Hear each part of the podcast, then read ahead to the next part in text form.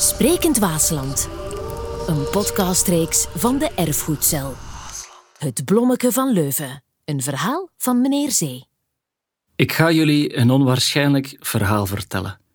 Een verhaal van 500, toch bijna 500 jaar geleden. En dat verhaal is pas opgeschreven in 1954.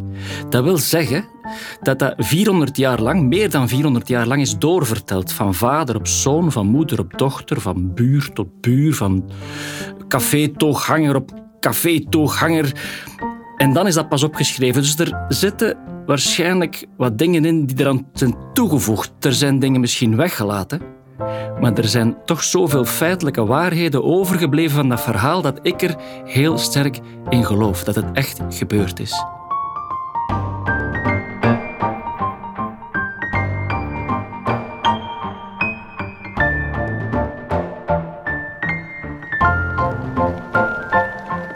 In 1544, in de winter, in februari, begin februari, rijdt er een kar, een huifkar waarschijnlijk, met paarden, van Leuven naar Ruppelmonde.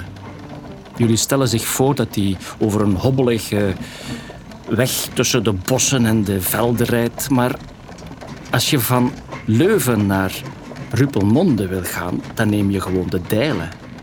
Dan neem je de dijlen en dan voegt de zenne zich daarbij en dan de neten, dat vormt samen de ruppel en zo kom je vanzelf heel gemakkelijk in Ruppelmonde.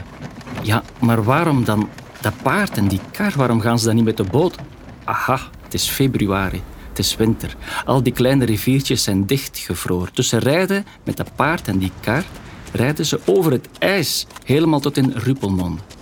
Wie zit er op die kar? Misschien een paar kooplieden, ehm, een timmerman met een kast onder zijn arm, ehm, een paar studenten, een soldaat met een pluim op zijn hoed, en ook een man met een baard. Een man met een missie. Hij heeft papieren op zijn schoot liggen. Heeft een wastafeltje en heeft een griffel vast. En hij zit aantekeningen te maken. Hij kijkt naar buiten en hij schat de afstanden in. Hij schat de tijd in die hij aan het overbruggen is. Het is een cartograaf. Een kaartenmaker.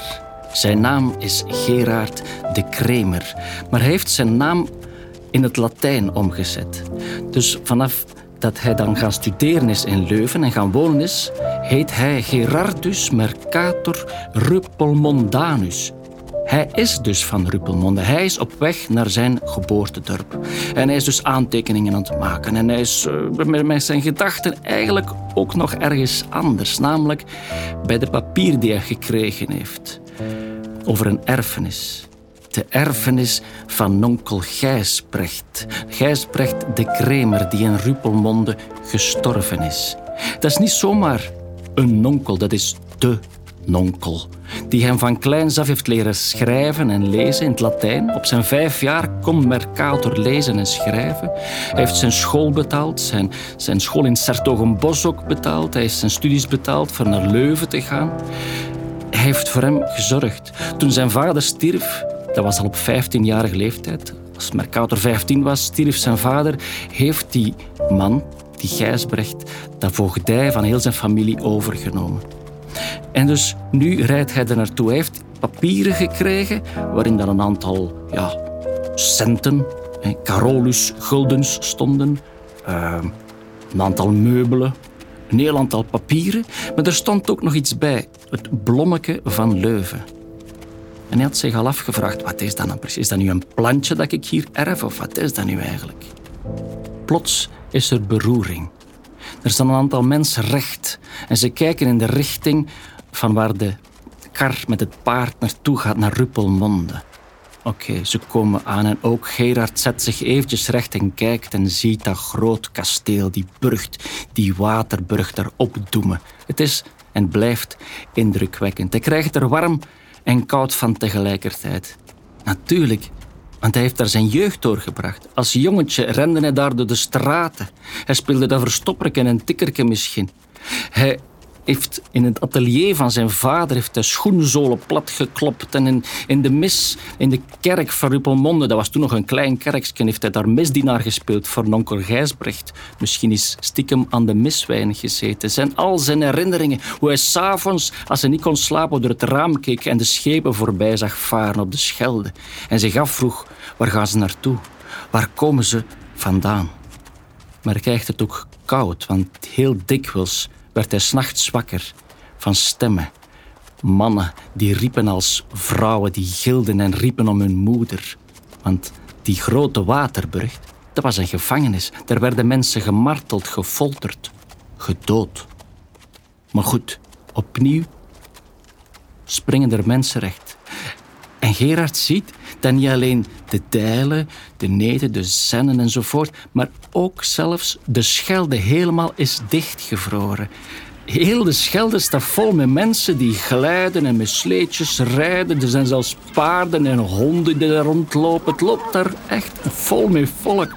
En hij moet denken aan, opnieuw aan zijn kindertijd. Want toen hij vijf jaar was, was de Schelde ook dichtgevroren. Het paard en de kar banen zich een weg door die meute. Ze komen effectief aan in Ruppelmonde. En dan, vlak daarvoor, kijkt Mercator, kijkt Gerard de Kremer eventjes in de richting van die officier.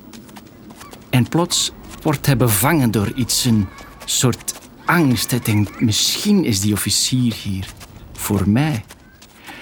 Want er is wat gaande in Leuven. Er zijn allerlei ideeën die daar de ronde doen, natuurlijk. Nieuwe ideeën, bijvoorbeeld Misschien is de aarde niet het centrum, maar is de zon het centrum. Misschien kunt u plaatsje in de hemel niet verdienen door aflaten te kopen, maar moet u gewoon het leven van Jezus volgen. Misschien kunnen we iets te weten komen over de mens door die open te snijden. En magnetisme, wat is dat precies? Allemaal nieuwe ideeën, maar ook gevaarlijke ideeën. Luterijen worden ze genoemd. Ketterijen. Misschien is die officier daar voor hem en hij bukt zich en hij prutst nog een beetje aan zijn nestels, aan zijn veters. Hij prutst nog een beetje aan de gespen van zijn hutkoffer, zodat die officier als eerste uitstapt. En dan stapt Mercator van de kar. Hij betreedt Ruppelmonde. Het gaat omhoog. Het is de Nederstraat, omhoog naar het plein dat later naar hem genoemd zal worden. Hij moet hem een beetje haasten, want die officier stapt flink door. Hij trapt op zijn adem. Het, hart klopt in zijn keel, maar hij ziet nog net als hij boven komt hoe die officier in de Hukelstraat verdwijnt. Later de Kloosterstraat, de straat waar Mercator geboren is, 32 jaar tevoren. En daar op het hoekje van die Hukelstraat, van die Kloosterstraat, staat de Gulden Leeuw, het café waar hij de erfenis, de nalatenschap van zijn nonkel Gijsbrecht zal regelen en waar hij het blommeke van Leuven zal zien.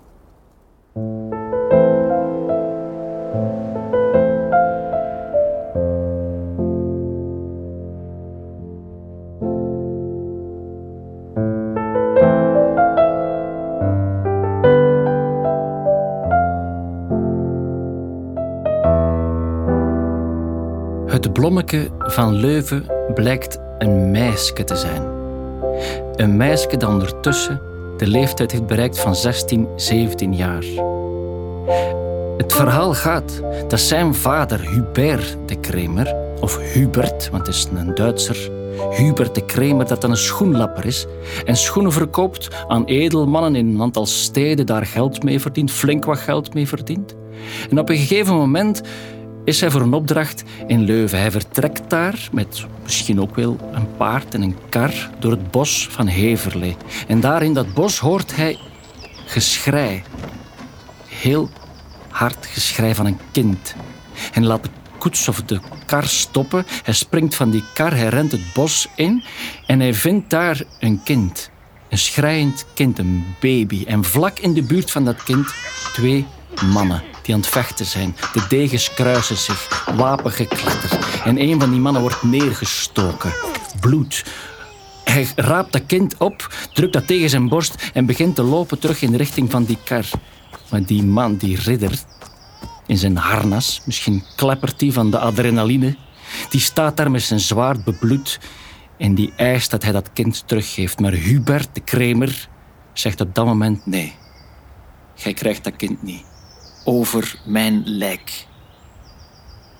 En die man vraagt nog net de naam. De naam van Hubert de Kremer. Hij draait zich om en hij verdwijnt. En Hubert brengt dat kind naar Ruppelmonde. Misschien heeft hij daar van dat moment wel een beroerte gekregen. Misschien was de stress zo hoog, want een paar jaar later sterft Hubert, de vader van Gerard, de vader van Mercator. En de voogdij gaat dus in de richting van nonkel Gijsbrecht. Die erft niet alleen alle bezittingen van Hubert, maar ook het gezin, het hele gezin en dus ook het blommeke van Leuven. Het blommeke van Leuven, dat meisje dat hij wegsteekt in het klooster en dat nu volwassen is geworden. En maar wacht eens. Hoe komt dat Gerard de Kremer hier niks over weet? Ah, op het moment dat zijn vader Hubert met dat blommeke van Leuven aankomt in Ruppelmonde, zit Gerard ver weg. Op school, op de Sint-Hieronymus school in Sertogenbos. En zo weet hij er niks van. Het is ook daar dat hij zit op het moment dat hij verneemt dat zijn vader gestorven is. En dus, nu is dat meisje, dat blommeke van Leuven, 17 jaar. Ze heeft prachtige rode haren, groene ogen, sproetjes op de wangen, mooie vormingen die zelfs haar nonnenkleed niet kunnen verbergen. Mercator is even onder de indruk. Hij wordt ondergebracht in het huisje daar waar hij als kind gewoond heeft. Hij kijkt opnieuw door het raam s'avonds naar de schepen die voorbij varen. En misschien heeft hij daar wel nog een heel rustige nacht. Maar s'morgens wordt er op de deur geklopt. En wie staat daar voor de deur? Die officier. Die officier die met Mercator op de kar zat. En even heeft Mercator schrik. Maar hij ziet dat die jongen ook even schrikt. Dat hij zegt van, hé, hey, maar dat is die man van op de kar. En hij ziet hem ook heel zenuwachtig worden, naar links en naar rechts kijken. Het zweet staat op zijn bovenlip, vlak onder zijn grote neus. Hij heeft Zuiderse looks, maar het is een Jood. Een Sephardische Jood misschien. Zo een van die mannen die zich bekeerd heeft tot het katholicisme om dan toch nog weggejaagd te worden uit Spanje, uit Portugal en dan nu in zijn contraien in Leuven daar ergens een garnizoen gevonden heeft om zich bij aan te sluiten. Maar hij is zenuwachtig en Mercator nodigt hem uit binnen. En daar probeert hij een uitleg te doen. Eerst in gebrekkig Nederlands, daarna in Spaans, maar Mercator stelt hem gerust. Hij mag in zijn eigen taal spreken, want Mercator kent Latijn, kent Grieks, kent ook Hebreeuws en een aantal Arabische talen. En dus begint de Jood te vertellen. Die jonge, die jonge man, die heeft aan het sterfbed van zijn vader het volgende vernomen: dat zijn vader ooit een man heeft neergestoken. Een of andere vete een gevecht. En daarna heeft hij dat kind willen neersteken, maar iemand is daartussen gekomen. Een zekere Hubert, Hubert de Kremer uit Ruppelmonde. En hij moet die man gaan zoeken, hij moet gaan kijken. En dat belooft de jongen aan zijn vader. Hij gaat kijken in Ruppelmonde of alles goed gaat met het blommeke van Leuven. Oké, denkt Markater. Oké, alles past hier in elkaar. Hij is, hij is ontzet bijna. Maar die jongen heeft nog een verhaal. En hij kijkt nog eens uit het raam om te zien of alles in orde is. Die jonge officier vertelt hem dat hij gehoord heeft in het café dat er een aantal soldaten tegen elkaar bezig waren over de hoogbaljuw. Louis van Steeland, die met een, met een, een troep soldaten onderweg is naar Ruppelmonde om Gerard de Kremer, Gerardus Mercator Ruppelmondanus, gevangen te nemen. Op beschuldiging van luterijen, ketterijen. Mercator schrikt zich een ongeluk. Hij neemt snel zijn hutkoffer, hij vergeet al die erfenistoestanden, hij vergeet even ook die officier. Hij rent naar buiten, naar de markt van Ruppelmonde. Hij kijkt naar beneden en hij ziet het ondenkbare. Die nacht is al dat ijs beginnen smelten. Dat ijs is op drift nu en hij ziet de ijsschotsen voorbij drijven en hij geraakt zelfs niet aan de overkant. Hij moet de paar dagen die hem scheiden van zijn gevangenneming daar in dat huisje zitten wachten. Hij kan niet eten, hij kan niet drinken. En als hij in de straat paardenhoeven hoort, weet hij dat het zover is. Ze komen hem halen. Ze sleuren hem mee. Maar toch met een zeker eerbied. Ze nemen hem mee naar die grote hangbrug. Die grote hangbrug tussen het vasteland en dat groot kasteel die Waterburgt. En daar wordt hij opgesloten in een cel. Paf, de deur kletst achter hem dicht. De grendel wordt op de deur geschoven. En hij luistert. Hij luistert naar de stilte. De wereld staat stil. Terwijl zijn wereld juist superhard aan het draaien was. Hij had hij, was getrouwd met Barbara, hij had zijn diploma op de universiteit behaald, hij had zijn eerste globe gemaakt. De eerste globe ter wereld in papier. Papier dat dan op een koperen bol werd geplakt. Dat was prachtig, prachtig. En hij had, hij had daarvoor gezorgd, mee voor gezorgd. Arnold was geboren, zijn eerste zoon. Ook zijn eerste dochter, Emerantia, genoemd naar zijn moeder. En het liefde had hij een wereldkaart gemaakt in twee delen, twee hartjes. Alles liep zo lekker. Hij was vast van plan om een kosmografie te maken. Hij wilde niet alleen de wereld in kaart brengen, hij wilde ook het hemelgewelf. Hij wilde de, de tijdsverloop, het begin van, de, van de tijd, wilde hij allemaal opschrijven, in kaart brengen, in beeld brengen. Hij was er helemaal klaar voor, maar nu was hij ten dode opgeschreven. Want dat was de straf voor ketterij. Je werd levend begraven of levend in brand gestoken of uit elkaar getrokken door een paar paarden. Verschrikkelijk. En hij begon met een vinger, een natte vinger, in de aarde van zijn cel te schrijven en te tekenen. Tot zijn vinger er zeer van deed. Hij vond een stukje steen en begon te kerven in humanistisch cursief. Een geschrift dat hij zelf nog had uitgevonden bijna. En hij begon daarmee te kerven in de muur. Hij begon tekeningen te maken van, de, van het beeld dat uit het raam kwam en de zon maakte op die muren, zodat hij de tijd kon bijhouden. Want hij wist dat hij er misschien toch nog een paar dagen, misschien een paar weken zou zitten. En, en toen kreeg hij een ingeving. In zijn razernij of zijn, zijn angst zag hij de wereld door dat raam. En dat was een traliewerk waardoor dat, dat weer, die wereld in stukjes was geknipt.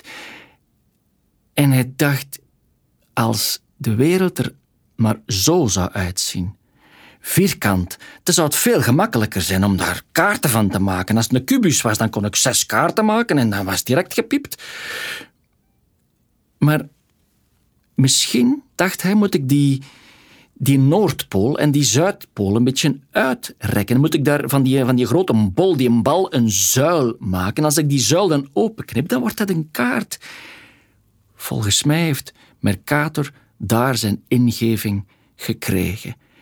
De ingeving waarmee hij heel de wereld ging veranderen. De zeevaart ging zoveel gemakkelijker zijn, maar, maar tegelijkertijd beseft, nee, ja, het zal niet zijn, want straks kom ik op de brandstapel terecht en op dat moment wordt er op de deur geklopt. Die deur gaat open. Er komt een pater binnen, de kap over zijn hoofd getrokken en Mercator weet dat hij zijn laatste sacrament komt toedienen. Zijn laatste uur heeft geslagen. Maar als die pater begint te spreken, herkent hij die stem en hij kijkt op en hij ziet een klein baardje, hij ziet een neus, een grote neus. En die pater die dus zijn kap achterover. Het is de officier. Het is de Jood. Hij kijkt in die grote glanzende ogen en hij ziet vreugde, hij ziet hoop. Die man heeft papieren bij.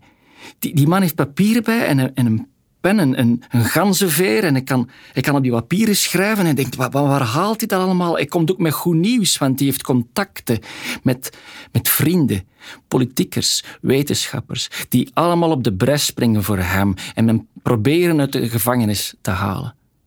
En hij ziet ook nog iets anders in die grote zwarte blinkende ogen. Hij ziet liefde en hij begrijpt dat ook hij heel hard onder de indruk was van het blommeke van Leuven. Maar het duurt heel lang.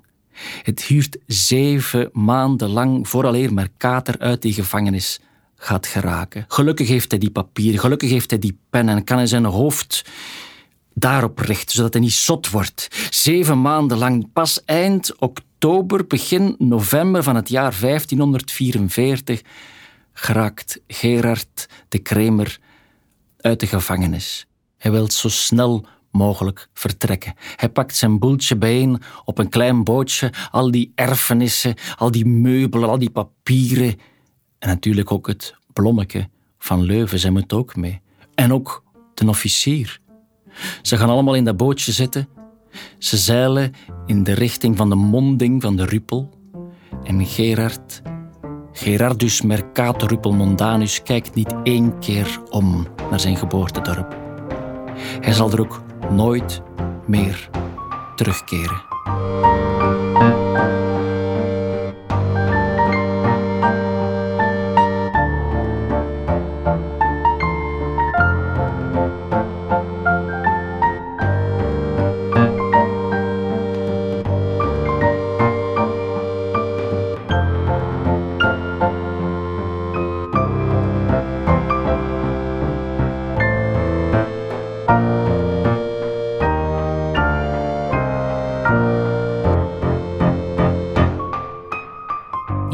Een verhaal uit de podcast Sprekend Waasland.